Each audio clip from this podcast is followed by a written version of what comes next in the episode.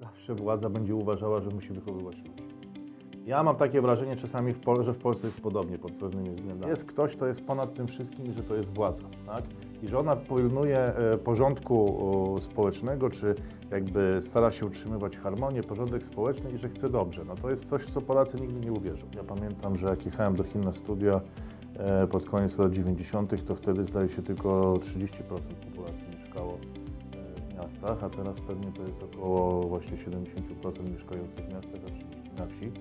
Wielkie to tak gdzieś wielkości Warszawy, powiedziałbym, takie no gdzieś około tam półtora, dwóch milionów, to to jest takie średniej wielkości miasta. W Chinach, co ciekawe, e, na przykład jeżeli spojrzymy na media społecznościowe i jakie są algorytmy, no nie wiemy, co decyduje o tym, czy coś jest popularne, czy jest niepopularne i e, firmy mówią o tym, że to jest ich tajemnica handlowa.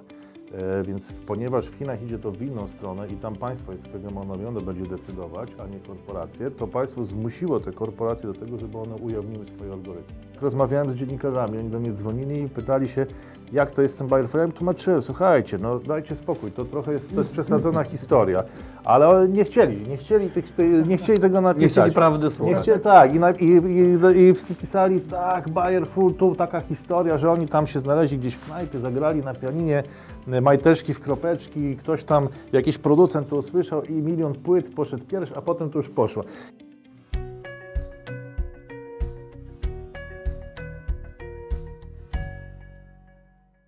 Dzień dobry, witamy Państwa w biurowcu Immobilie K3. Jesteśmy w tak zwanej sali hotelowej, a z nami gość Radosław Pyfel, ekspert do spraw międzynarodowych, azjatyckich, autor książek, podcaster i vloger. Dzień dobry. Dzień dobry, witam panów i witam państwa. Oraz Marcin Kowalski, Dobry. ekspert do spraw mediów, e, wielokrotnie nagradzany dziennikarz.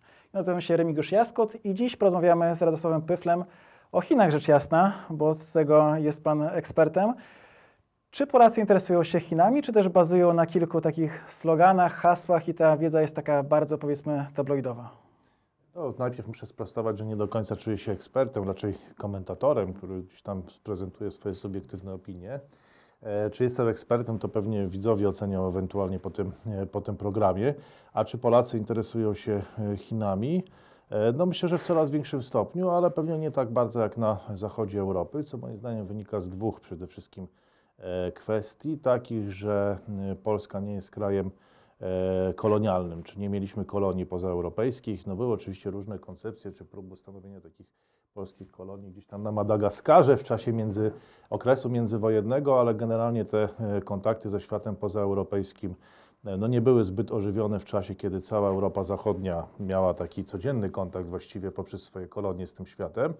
E, I druga rzecz, no to nie mamy wielkiego e, takiego biznesu czy wielkich korporacji, jak jest to w krajach Europy Zachodniej czy w Stanach, dla których to jest po prostu codzienny jakby biznes, e, te jakby działania na rynkach, na rynkach pozaeuropejskich. No to powoduje, że e, mało jest takich związków rodzinnych, mało osób mieszka w Chinach, czy ma tam rodziny czy jakoś jest po prostu związanych z tymi krajami pozaeuropejskimi, azjatyckimi Chinami, więc myślę, że w dużo mniejszym stopniu jesteśmy tym krajem zainteresowani niż Europa e, Zachodnia, no ale to zainteresowanie oczywiście e, rośnie wraz e, z coraz większym wpływem tego świata pozaeuropejskiego, nie tylko Chin, bo myślę, że tu i Bliski Wschód pokazał, jak bardzo jest istotny i przede wszystkim Korea, no, która jest taką gwiazdą światowej gospodarki teraz i w wielu projektach biznesowych w Polsce Korea odgrywa istotną rolę, czy to jako doradca do CPK, czy to sprzedając nam broń, czy to hmm, być może będzie to energetyka jądrowa.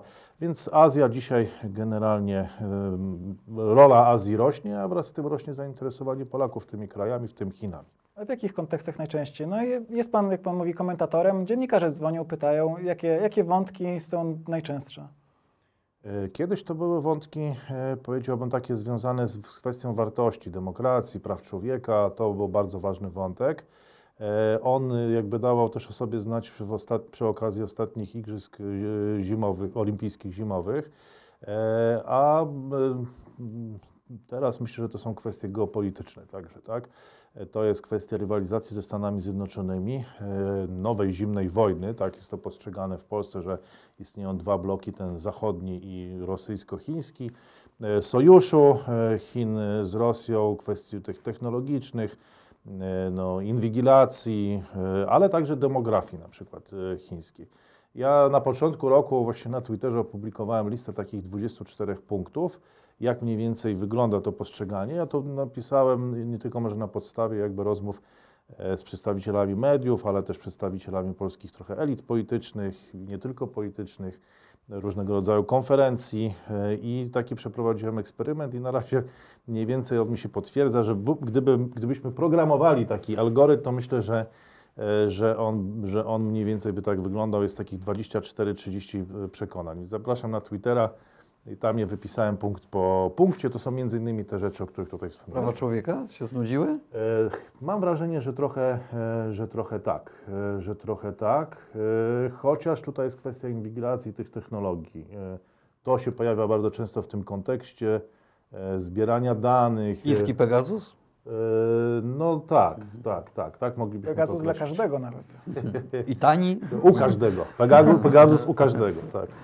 Chciałbym się jeszcze do tego scoringu tak zwanego jeszcze przejdziemy, ale mówi Pan o demografii. Proste pytanie. Ilu jest Chińczyków i ilu będzie? E, No będzie coraz mniej już. A ilu teraz jest? No ponad miliard 400 już nie No pamiętam. tak, ale są szacunki różnią się o 100 milionów. No, ale w Chinach wiele rzeczy nie, nie jest może dokładnie tak dokładnie przedstawianych czy dokładnie liczonych. No, 100 milionów plus minus to słowo dokładnie E, jest czy takim 100 delikatnym. No, no, ja słyszałem, że tam chyba ten błąd wynosi od 40 do 80 milionów, ale no, no wcale bym się nie dziwił, gdyby to było 100 milionów, tak jak pan powiedział. E, chociaż e, tam były problemy chyba z opublikowaniem tego ostatniego spisu. On jest co 10 lat przeprowadzany w Chinach i przez długi czas nie był publikowany. No w każdym razie ta demografia nie wygląda też tak, jak rząd y, to planował i tak, jak to przedstawiał, bo było wiadomo, że te pewne procesy, że Chińczyków będzie coraz mniej, że demografia nie jest po ich stronie, ale spodziewano się, że będzie ten e, proces postępował wolniej, a tymczasem już e, e, dzieje się to szybciej. Ostatni rok był taki, kiedy mniej Chińczyków się urodziło niż zmarło więc ta populacja się zmniejsza, co będzie powodować duże zmiany w samym społeczeństwie chińskim. I tu powstaje pytanie, czy Chińczycy się zdecydują na model multikulturowy, tak jak na Zachodzie, czy pójdą w stronę y, technologii, automatyzacji pracy, sztucznej inteligencji. Odpowiedź na to pytanie że zdecydowanie to drugie. Widać wyraźnie, że Chińczycy nie chcą iść w stronę modelu wielokulturowego. E, Myślę, że też z dwóch powodów, tak wynika z takich rozmów, które gdzieś tam miałem okazję e, przeprowadzić. Raz, że e, nie zachęca ich w ogóle model ten zachodni, czy nie uważają go za model sukcesu, ale dwa, że też mają takie poczucie, że te relacje z Tybetańczykami, z Ujgurami, też w samych Chinach nie, nie znaleziono jakby dobrych rozwiązań i w tym sensie ściąganie na przykład 100 milionów ludzi z Azji Południowo-Wschodniej Jest ryzykowne. jest ryzykowne, e, chociaż to są często kraje, ludzie o po- podobnej kulturze, którzy by się odnaleźli w tym hierarchicznym społeczeństwie z dużą rolą rządu i tak dalej, i tak dalej, ale też są ludzie z Azji Południowej. To już jest troszeczkę, to są już, to już jest troszeczkę inna cywilizacja, inni ludzie, no byłyby to pewnego rodzaju kłopoty. To jest też pewnego rodzaju, wydaje mi się, niespodzianka, bo Chiny w swojej historii no to asymilowały wiele, to jest wiele plemion, nawet sam chiński smok to jest totem złożony z przedstawicieli, gdzie z przedstawicieli różnych plemion, który każdy dawał swoje zwierzę i ten smok jest kombinacją tych, tych e, właśnie totemów różnych innych plemion, ale widzę, że taka chyba będzie podjęta próba właśnie rozwiązania tego problemu demograficznego i to jest też pewnego rodzaju pa- paradoks, bo Xi Jinping jest rzecznikiem takich wartości konserwatywnych. On dużo podkreśla rolę rodziny, wartości konfucjajskich. E, Jeżeli poczytacie panowie jego książki, bo tam każdy lider w Chinach trochę musi uchodzić za takiego mędrca i musi publikować swoje wizje, swoje przemyślenia i on będzie to próbował połączyć właśnie z nowymi technologiami, czyli będzie społeczeństwo oparte na nowych technologiach i na wartościach tradycyjnych. No i zobaczymy, jak ten projekt będzie wyglądał. No on budzi, budzi, no, budzi przerażenie w Polsce, to co tu dużo mówić. Więc PiS, jeżeli PiS co, 2.0, PiS 2.0 taki. co nas interesuje, e, to no, wydaje mi się, że e, no, u nas PiS e, raczej idzie w stronę tradycyjnych wartości, ale nie nowych technologii. Gdyby dodać do, do Prawa i Sprawiedliwości wizję Jarosława Kaczyńskiego nowe technologie, czyli nie powiedzmy na przykład tele, te, telewizja polska, tylko różnego rodzaju algorytmy, media społecznościowe, aplikacje, to to by były Chiny. I sztuczna inteligencja, i e, co tam jeszcze mamy? Em, no, różnego rodzaju aplikacje właśnie, to, to, to to, to to by była taka wersja. Czyli jakby mamy tę część tą konserwatywną i te nowe technologie. To u nas mamy część konserwatywną. Nowych technologii e, przynajmniej na razie, na razie nie mamy w, tym, w tej wizji. Niewielkie chińskie miasto liczy ilu mieszkańców? Wielkie to tak gdzieś wielkości Warszawy, powiedziałbym, takie no gdzieś około tam półtora, dwóch milionów, to to jest takie średniej wielkości miasto. A jaki procent społeczeństwa mieszka na wsi, a jaki w mieście? No to się bardzo zmieniło. Teraz większość już mieszka w miastach. Ja pamiętam, że jak jechałem do Chin na studia e, pod koniec lat 90., to wtedy zdaje się tylko 30% populacji mieszkało e, w miastach, a teraz pewnie to jest około właśnie 70% mieszkających w miastach, a 30% na wsi. I to był bardzo szybki proces, gdzie kilkadziesiąt, kilkanaście milionów każdego roku przeprowadzało się ze wsi do miast. Więc i te miasta rosły w niesamowitym tempie bardzo się rozbudowywały i był to, no powiem szczerze, że ja uważam, że jestem szczęściarzem, bo obserwowałem jedno z naj, najbardziej niesamowitych zjawisk w historii ludzkości, jak w kilkanaście, dwadzieścia lat y, po prostu e, Chiny zmieniły tą proporcję i po prostu przeprowadziły kilkaset milionów ludzi do, e, do, Do miast. do miast i do takiej nowoczesności powiedziałbym, bo, bo, to, bo to często jedno z drugim się e, jakby wiązało. I byłem świadkiem e, tego procesu, em, co poczytuję sobie za wielkie szczęście w życiu, bo dodatkowo jeszcze trafiłem na okres e, taki, który Chiny były jednym z najbardziej otwartych krajów swojej historii. A różnie z tym bywało w ostatnich chociażby kilku latach, gdzie mamy napięcia geopolityczne. Chiny się zamknęły teraz na trzy lata, teraz się ponownie otworzyły.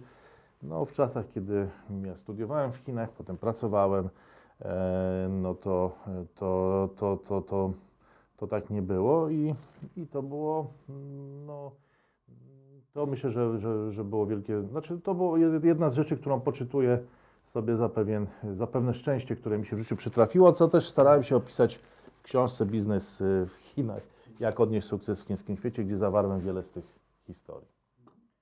Chcę Pana zapytać o ten system scoringu społecznego, czyli mówiąc w skrócie, to jest zespół systemów tak naprawdę, bo to jest mocno ulokalnione w różnych, w różnych wersjach. Czyli chcę zapytać tak naprawdę, czy to jest tak, jak powiedzą niektórzy, wielki brat, gdzie mogę nie kupić biletu do kina, bo nie zapłaciłem podatków? Czy to jest w sumie system, który jest dużo prostszy i wcale nie jest takim, e, takim złem, bo pokazuje na przykład, czy mój kontrahent, z którym chcę podpisać umowę, czy on jest wypłacalny, czy może ma długą, długą listę e, niezapłaconych rachunków. No, powiedziałbym o takich trzech, czterech rzeczach. Jakby e, pierwsza rzecz jest taka, że często my w Europie dyskutujemy o takich skrajnych przypadkach, że ktoś tam nie zapłacił podatku i nie może polecieć samolotem. E, Jeżeli y, ktoś zostanie wykluczony w ogóle z jazdy pociągiem, nie będzie mógł kupić biletu kolejowego czy samolotowego, to myślę, że trzeba tych punktów nazbierać e, ujemnych bardzo dużo. Ale to może niech Pan przedstawi w ogóle, co to znaczy punktów ujemnych nazbierać No dużo. tak, na czym ale, polega ale jeszcze nie ma, ale nowego- ten system jeszcze jest Mhm. nieskończony. Tak jak Pan powiedział, on jest, to są jeszcze pilotaże.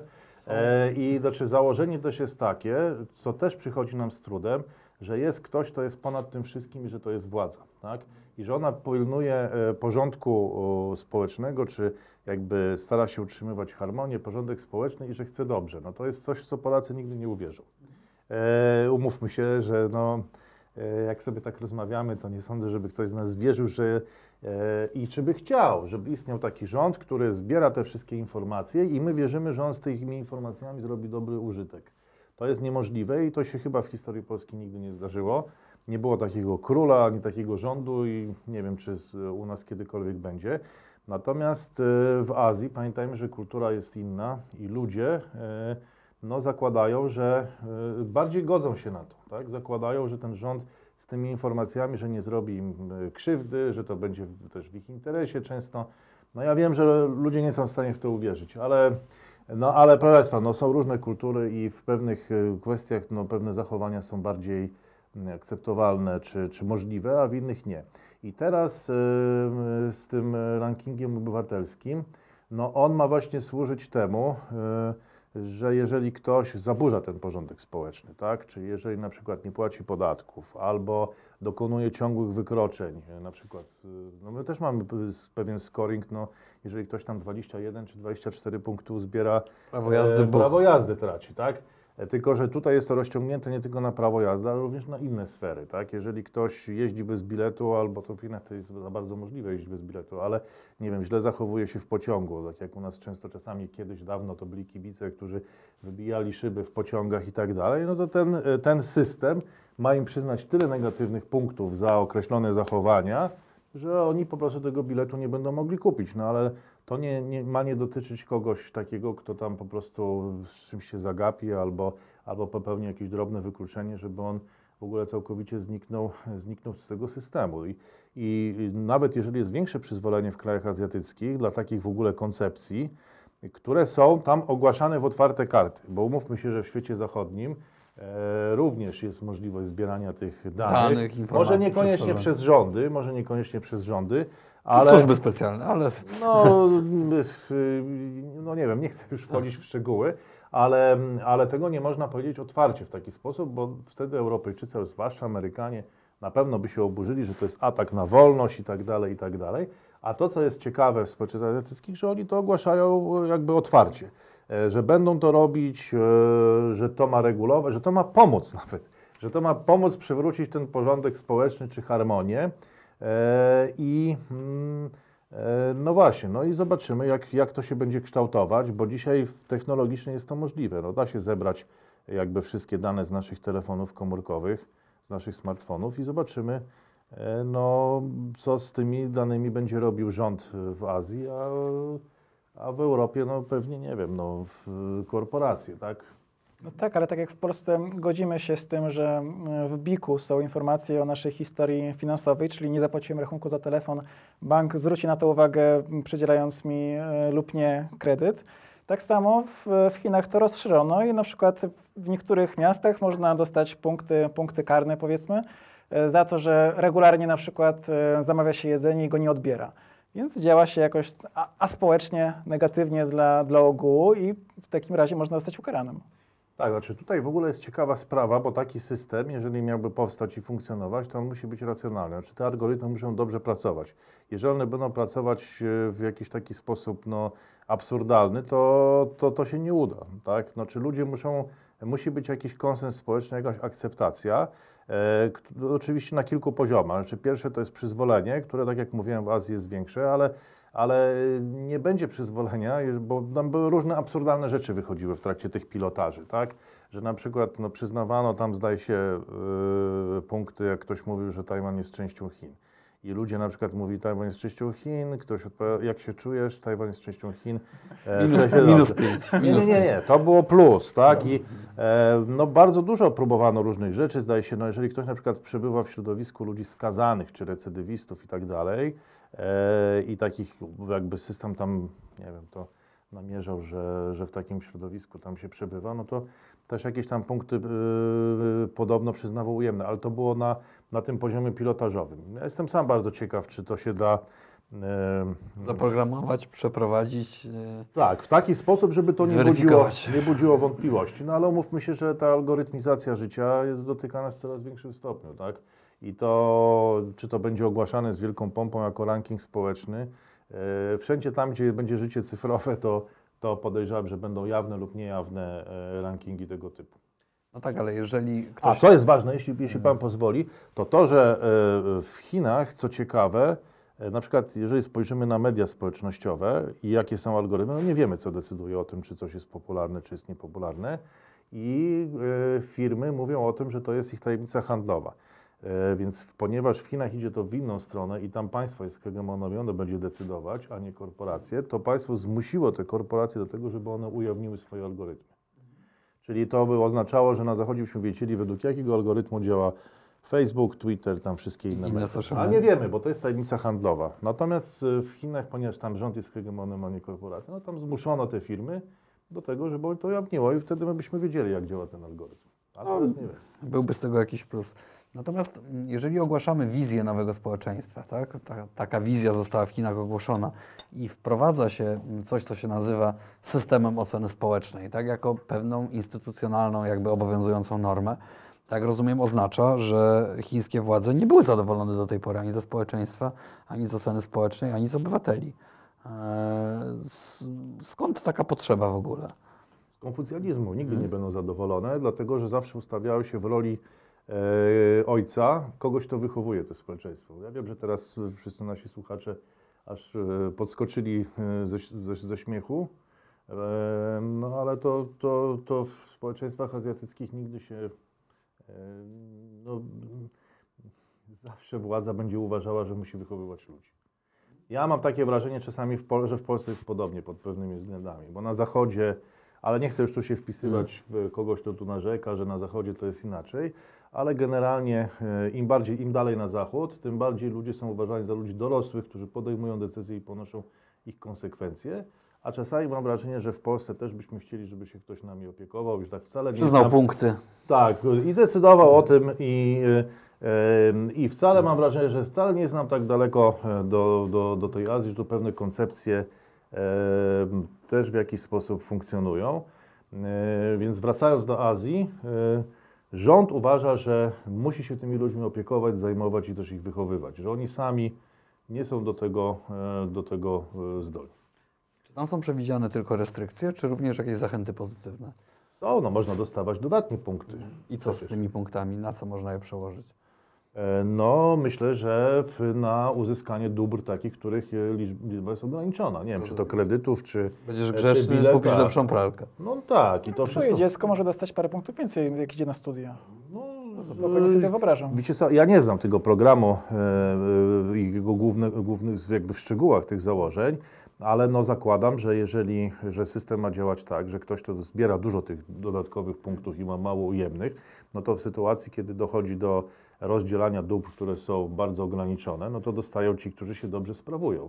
A ja muszę Wam powiedzieć jedną taką anegdotę, że jak pojechałem do Azji, to byłem zadziwiony tym, jak wielką estymą wśród Chińczyków w ogóle y, y, cieszą się wzorowi uczniowie i prymusi. Kiedyś koleżanka mi opowiadała, że ona była przez cały czas wzorową uczennicą i wszyscy ją kochali, wszyscy chcieli się z nią kolegować, e, uwielbiali ją i tak dalej. A potem miała kryzys w życiu i opuściła się w nauce i opuścili ją wszyscy przyjaciele. To ja myślałem, że w Chinach jest odwrócona skala ocen, bo u nas przecież kocha się tych urwisów, tak? Tych, którzy... Łobuz kocha najbardziej. Tak, tak, tak, tak. I, e, i, e, i więc ja myślę, że Chińczycy będą w tym, w tym systemie e, rywalizować o to, kto zbierze więcej tych punktów i potem uzyska jakieś korzyści z tego powodu. No, a, w, a jeżeli takie systemy będą kiedyś no, na, jawnie, to one na pewno w Polsce nie będą musiały być, nie mogą być wprowadzane, bo Polacy od razu się zbuntują i będą rywalizować, ale w tym, kto się bardziej sprzeciwi.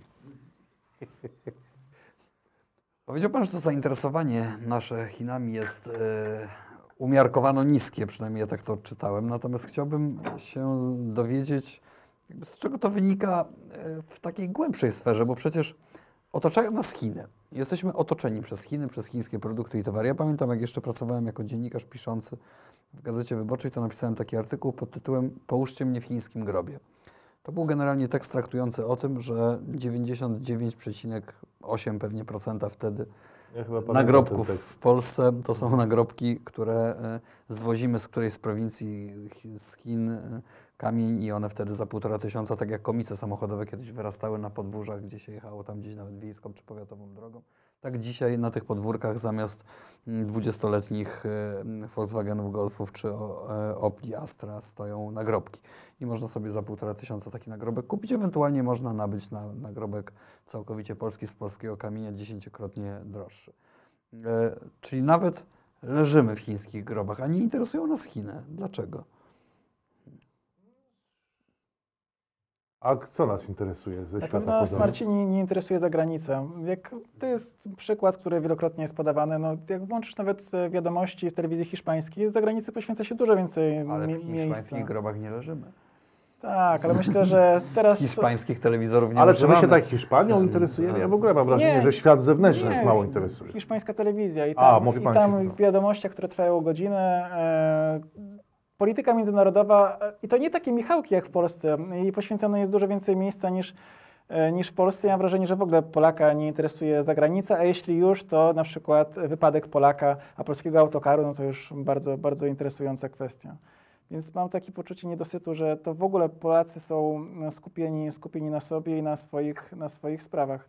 Natomiast no, coś się wydarzyło w życiu takich osób jak Pan, jak Pan sam nazywa siebie komentatorem, czyli wojna e, tuż za naszą granicą i e, Polaków, takie mam wrażenie, interesują Chiny w kontekście geopolitycznym. I e, wielu, wiemy, jest teraz twórców, którzy komentują wydarzenia na bieżąco. Pan też się włączył w ten nurt. To faktycznie Polacy patrzą na Chiny z tej perspektywy? Myślę, że tak, że Chiny stały się widoczne jako, jako jakiś element y, w ogóle polityki globalnej, który trudno jest y, pominąć. Tak, to, e, to, to myślę, że to się zmieniło w ostatnich 4-5 latach. E, Że wcześniej to raczej zastanawialiśmy się, znaczy świat kończył się na Unii Europejskiej, mm, e, USA i Rosji może.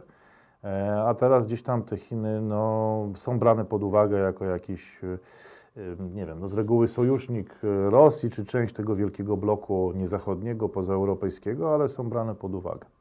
I to jest, tak rozumiem, to podstawowe pytanie, które pada, tak? Czyli z, jak będzie wyglądała przyszły, przyszły związek, czy też zależność Chin z Rosją? E, tak, myślę, że od tego dużo zależy. Tak? Ym, Pańskim zdaniem, jak będzie wyglądała?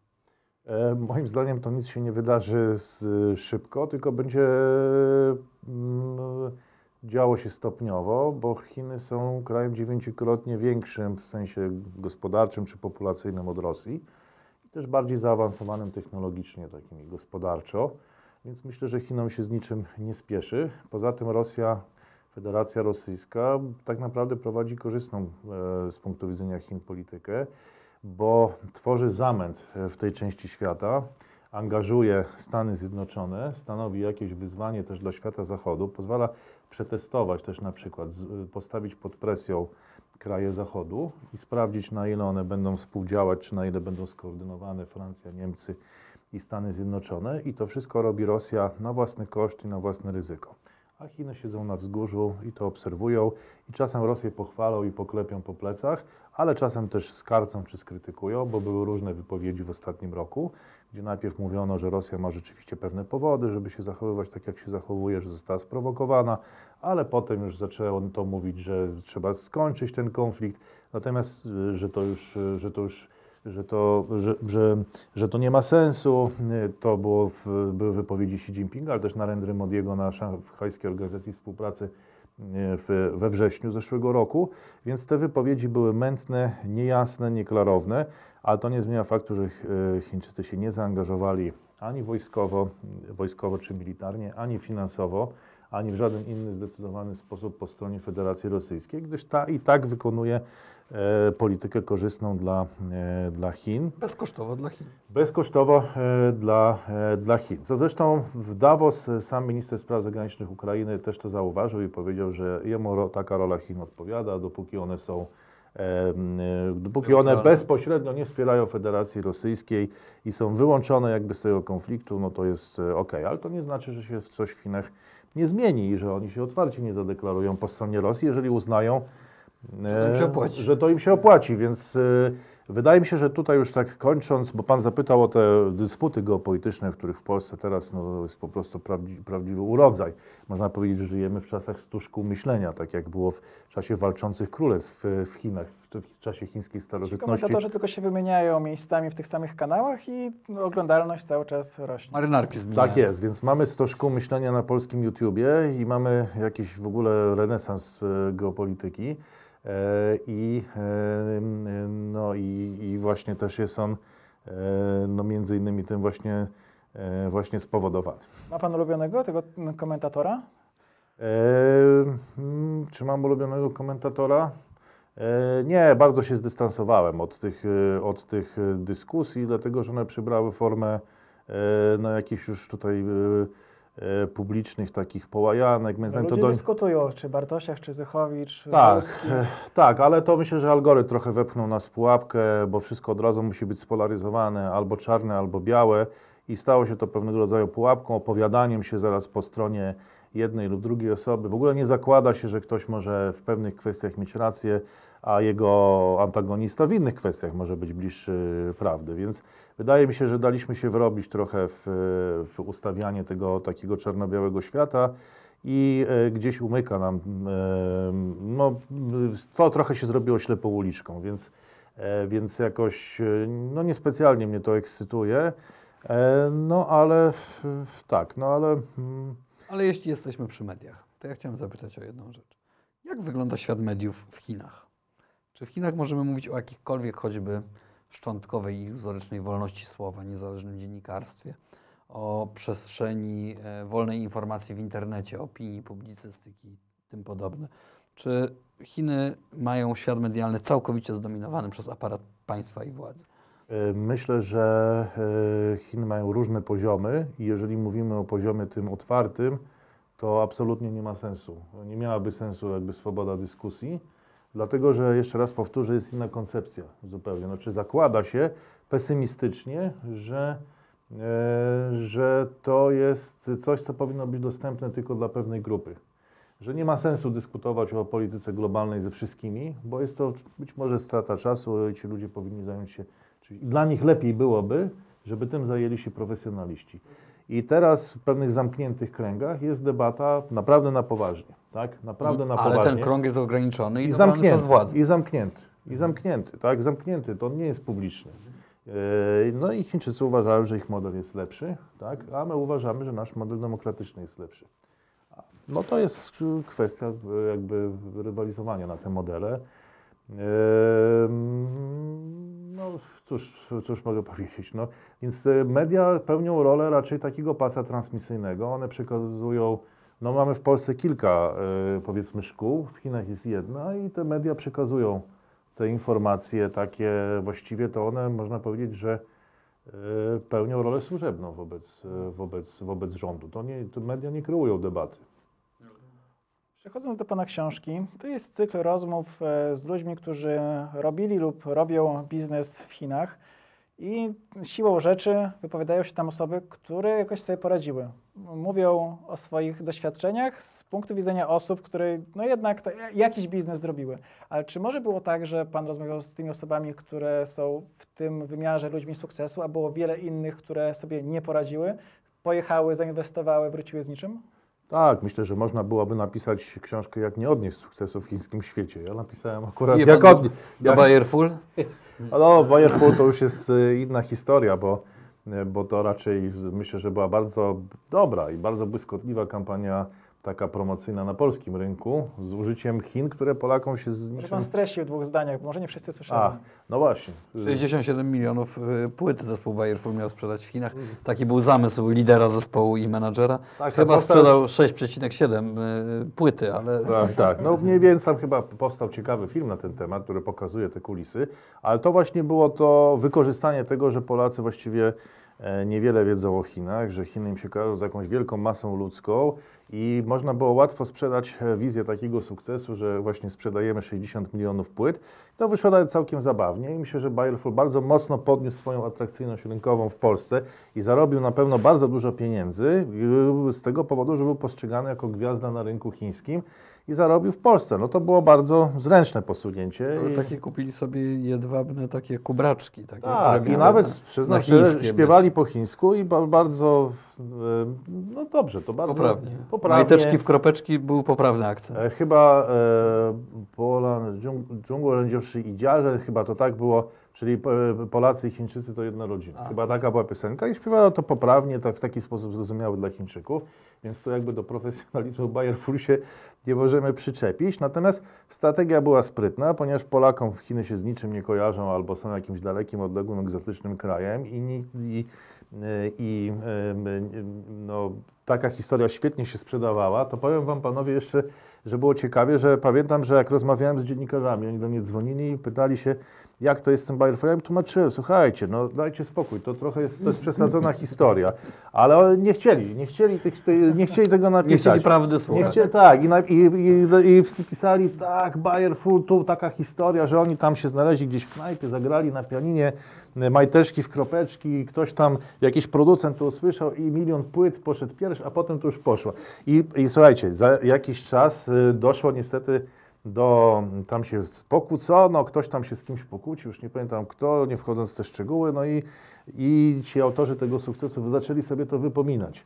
I wtedy wszyscy dziennikarze zaczęli o tym pisać. I wtedy ja patrzę i ci sami dziennikarze piszą o tym, że to wszystko od początku była blaga. I ten, a mówię, przecież ja z panem rozmawiałem, ja mówiłem, że to, że to, że to jest taka fajna, przyjemna, zręczna strategia marketingowa, ale dopiero wykryto to po jakichś 10 latach i ci sami ludzie to wykrywali, którzy wcześniej pisali, bo, bo to się fajnie pisało i to była taka fajna, fajna historia. To nie tylko Bayerful, również zespół Roan, e, zresztą wywodzący się z Bydgoszczy, e, również próbował kariery w Chinach i ogłaszał tę karierę z jakimś takim wielkim przytupem, ale to chyba taki bardziej koncesjonowany bunt był, gdzie limuzynami, prawda, buntowników e, Ale to jakoś, obwożono to, to, po tak, Szanghaju. ale to jakoś nie, nie, Tak. to jakoś nie chwyciło, tak, ale, ale Bayerful się udało i myślę, że to, to był duży sukces na rynku polskim. A wracając do tych, którym się nie powiodło, bo w książce jest wiele przykładów różnic kulturowych, no jak, z czym sobie radzić, czego się można spodziewać. No ale pan poznał takie osoby, które no, odbiły się jak od ściany? Tak, wiele, jak od tak, chińskiego muru w zasadzie. wiele takich osób poznałem, e, dla których to był bardzo, to był bolesny kontakt, tak? Więc w żadnym wypadku no, e, namawiałbym do dwóch rzeczy, żeby nie przenosić jakby naszego myślenia, czy to europejskiego, czy polskiego na Chiny, bo to jednak działa wszystko w zupełnie inny sposób i namawiałbym do tego, żeby nie patrzeć bezkrytycznie. To znaczy e, zarządzać dobrze oczekiwaniami, bo ja mam wrażenie, że u nas w Polsce ze względu na ten cały algorytm, to nas pozycjonuje albo wśród jakichś radykalnych krytyków, albo radykalnych entuzjastów. Więc albo po prostu uważamy, że to jest e, no coś po prostu przed czym trzeba uciekać, albo po prostu uważamy, że, że to Super. że to jest wszystko super i to wszystko, wszystko, wszy- wszystko coś, złoto, co się świeci.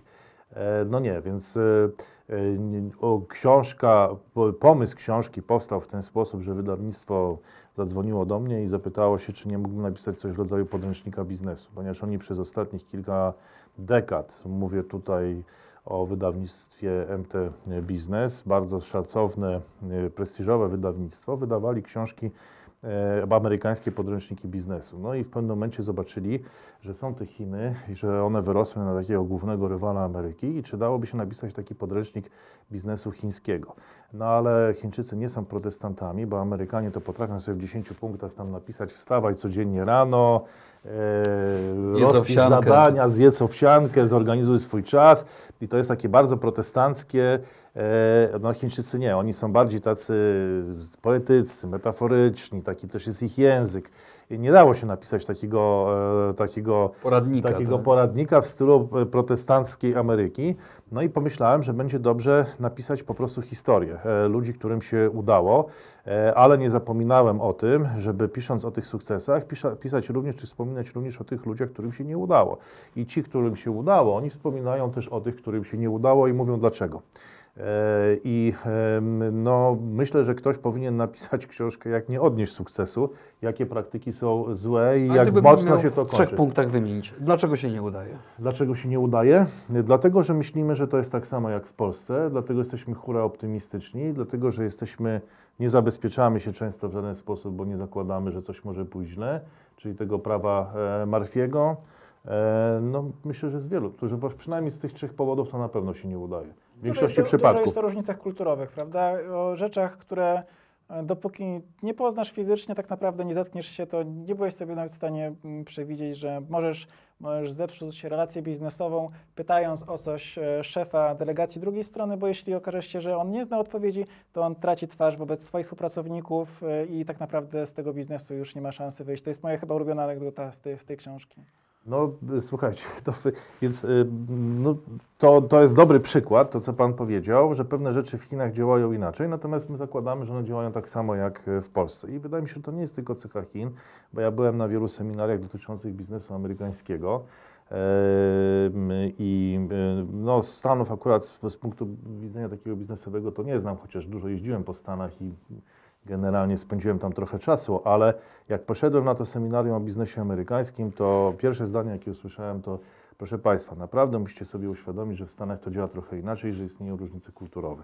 I ja mówię, że jeżeli to dotyczyło Stanów, e, no to co dopiero, e, co dopiero, Chinach. co dopiero, e, co dopiero Chin, że to jednak w Polsce też nie da się wszystkiego jeden do jednego przełożyć na Stany, przy czym Stany nam się wydają dużo bliższe i mamy związki ze Stanami już od stu kilkudziesięciu lat, nie, nawet więcej, od czasów Kościuszki, Pułaskiego i, i ta kultura no, jest dużo nam bliższa, ale, to, ale nie da się tego przenosić jeden do jednego i wydaje mi się, że e, to nie może być Polski tam wyjechało, no także to jest tak ta jest, relacja. ale w przypadku Chin z drugiej strony jest, jest druga skrajność, to jest paraliżujący strach. E, Paraliżujący strach i przekonanie, że w Chinach ci ludzie to są zupełnie inni, a to też są ludzie. I wydaje mi się, że ta zdolność czy umiejętność balansu no, będzie bardzo istotną umiejętnością w ogóle w XXI wieku i to nie tylko w przypadku Chin, ale także Stanów Zjednoczonych. Więc skończmy z tym myśleniem takim, że wszystko jest po prostu albo super, yy, albo po prostu yy, Albo wywołuje w nas paraliżujący strach. I wydaje mi się, że, e, że to było przyczyną głównych e, błędów. E, I gdybym miał napisać książkę, nie wiem, może wydawnictwo, nie wiem, czy ktoś nas ogląda, może zamówi taką książkę, jak nie odnosić sukcesów w Chinach, to, to takich przypadków spotykałem bardzo dużo, że ktoś komuś wręczył pieniądze, zostawił je gdzieś tam i potem próbował realizować zamówienia, na przykład z tych pieniędzy, które zostały. I w ten sposób stawał się zakładnikiem na przykład tego producenta, który trzymał tą kwotę, którą on tam kiedyś do Chin przywiózł i ten mu tak sprzedawał, jak, jak było wygodnie. No to tako, tego typu historie, no ale to, to już musielibyśmy nową książkę tutaj zacząć pisać. To przeciętny Chińczyk myśli o y, wojnie w Ukrainie. E, Myślę, że ten przekaz jest raczej, e, bardzo, raczej prorosyjski, z tego co patrzę w chińskich mediach. I, i raczej tak to jest relacjonowane. Czyli natomiast- myśli, że co? Że ukraińscy faszyści. Nie, nie. Myślę, że przede wszystkim go to mniej interesuje. Pamiętajmy, że w tym świecie pozaeuropejskim to jest jakaś wojna e, na drugim końcu świata. Interesuje go to tyle, gdybyśmy zadali pytanie, jak Polaków interesowała kwestia wojny w Afganistanie, czy tam gdzieś jakieś konflikty na Bliskim Wschodzie. E, No, coś tam nas interesują, konflikty, nie wiem, w Izraelu, Izrael, Palestyna i tak dalej, ale czy one tak bardzo nas zaprzątają naszą Czyli jest to kwestia tam nawet nie trzecio, tylko czwarto czy piątorzędna.